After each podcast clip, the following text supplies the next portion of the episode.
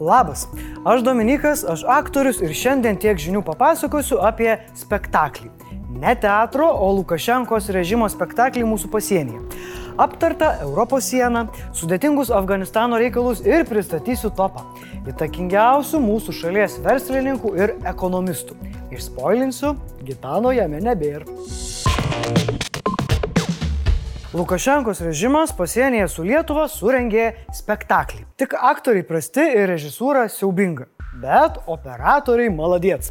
Mūsų pasieniečiai viską nufilmavo. Pirmame veiksme Baltarusijos pareigūnų paruošti keturi migrantai provokatoriai įėjo į Lietuvos teritoriją. Iškart sustojo ir laukė mūsų pasieniečių. Antrajame veiksme, pasirodžius mūsų pasieniečiams, provokatoriai grįžo atgal į Baltarusijos teritoriją. Trečiajame veiksme pasirodę Baltarusijos pareigūnai pradėjo filmuoti netikrus pabėgėlius. Aktoriai baltarusiams emocingai pasakojo, kaip juos mušė ir žalojo Lietuvos pareigūnai. Spektaklio finale nenusilenkę Baltarusijos pareigūnai su provokatoriais pasišalino į užkulsius savo šalyje. Bravo.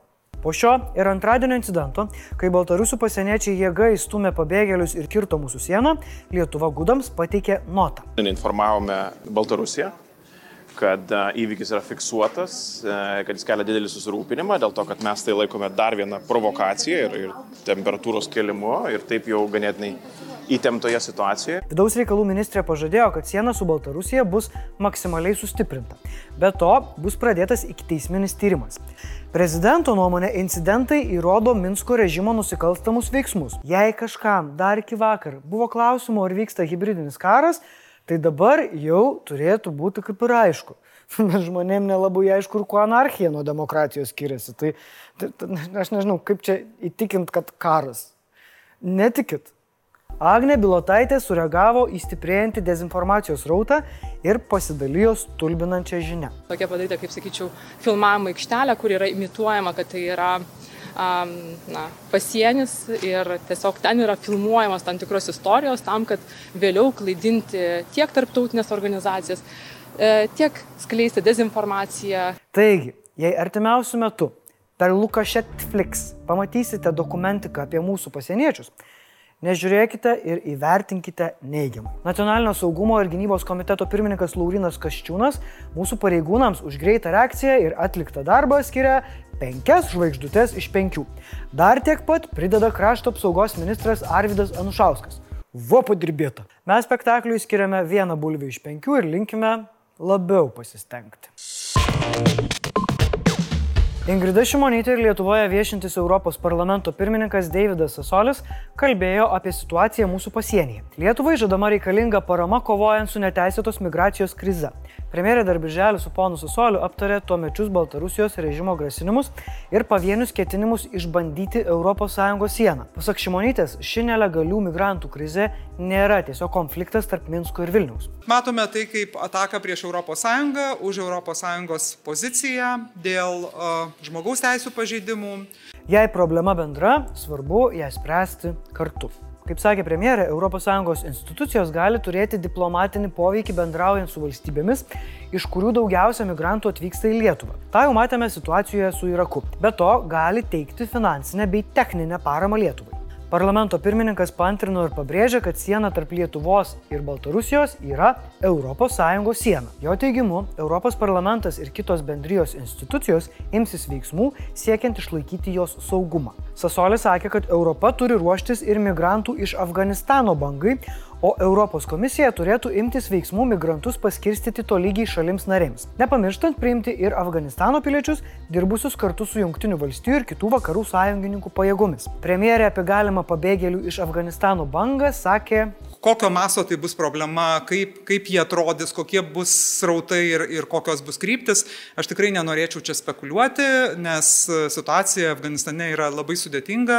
Pasak jos, net jeigu pabėgėlių bus daug, Lietuva jų prašymus vertins taip pat kaip ir kitų migrantų. Prezidentas Gitanas Nausėda susitiko su Baltijos šalių parlamentų pirmininkais ir aptarė nelegalios migracijos problemą. Šalies vadovo teigimu, Baltarusijos režimo organizuojamos hybridinės atakos akivaizdoje Baltijos šalis turi veikti iš vien, o dabartinė padėtis prie išorinės sienos rodo būtinybę iš naujo įvertinti sąjungos vykdomą migracijos ir sienų apsaugos politiką. Primenu, kad beveik lygiai už mėnesio prie mūsų sienų dar ir prasidės Zapat 2021. Labai tikiuosi, kad ferverkų anksčiau nei naujieji nepamatysim.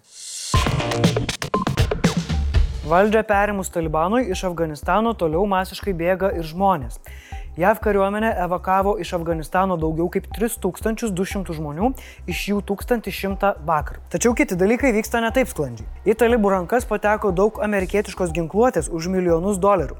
Talibano trofėjų sąraše atsidūrė net pažangus Black Hawks raiktasparniai ir kita įranga buvusi Kandaharo oro uoste. Junktinės valstijos nesitikė, kad talibai lengvai atiduos techniką ir teisinasi, kad ji buvo suteikta vyriausybės pajėgoms kovoje su Talibanu. Junktinės karalystės ginkluotojų pajėgų vadas pranešė, kad Talibanas palaiko tvarką Kabulo gatvėse. Didelių incidentų neužfiksuojama, o talibai leidžia evakuotis. Atnaujinti komerciniai skrydžiai. Tačiau dėl didelio chaoso Kabulo oro uoste ne visiems afganistaniečiams pavyksta evakuotis, net su reikiamais leidimais.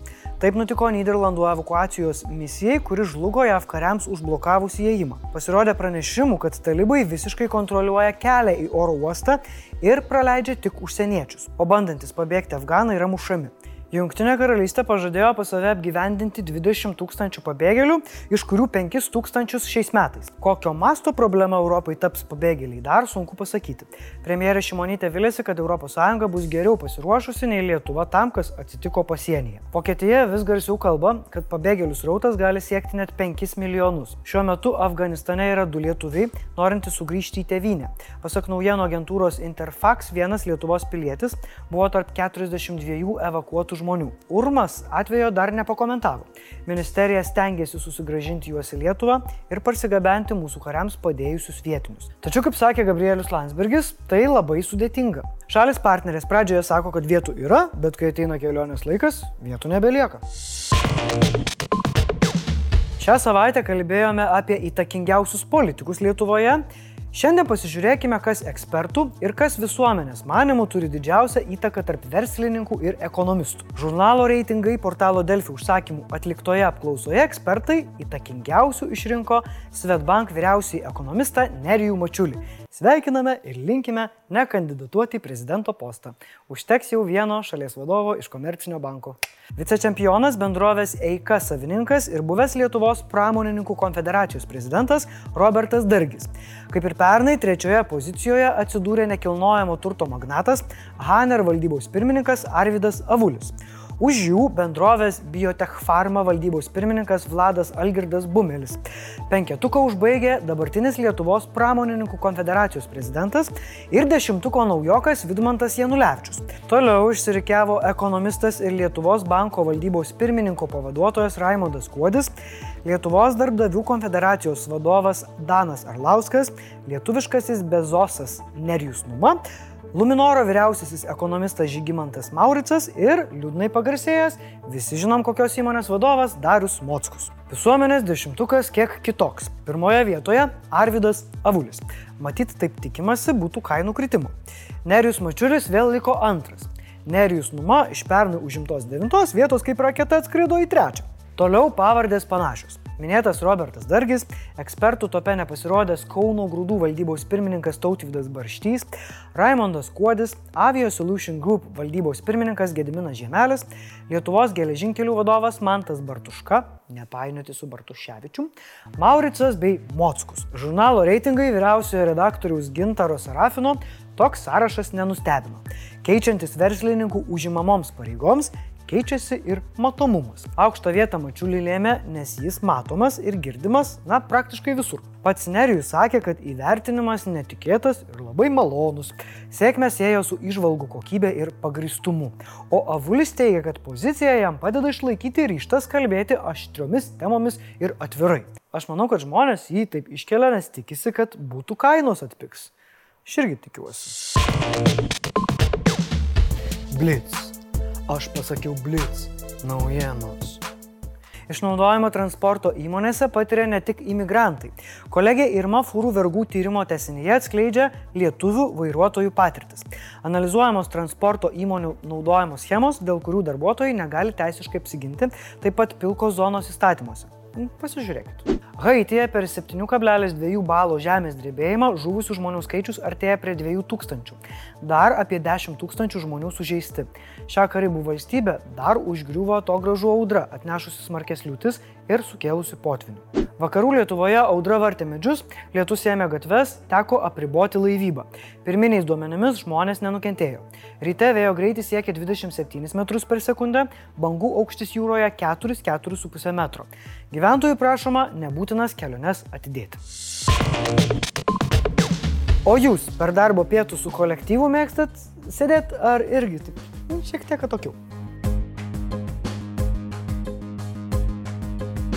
Nu ką, kolektyvas šiandien tiek žinių. Iki.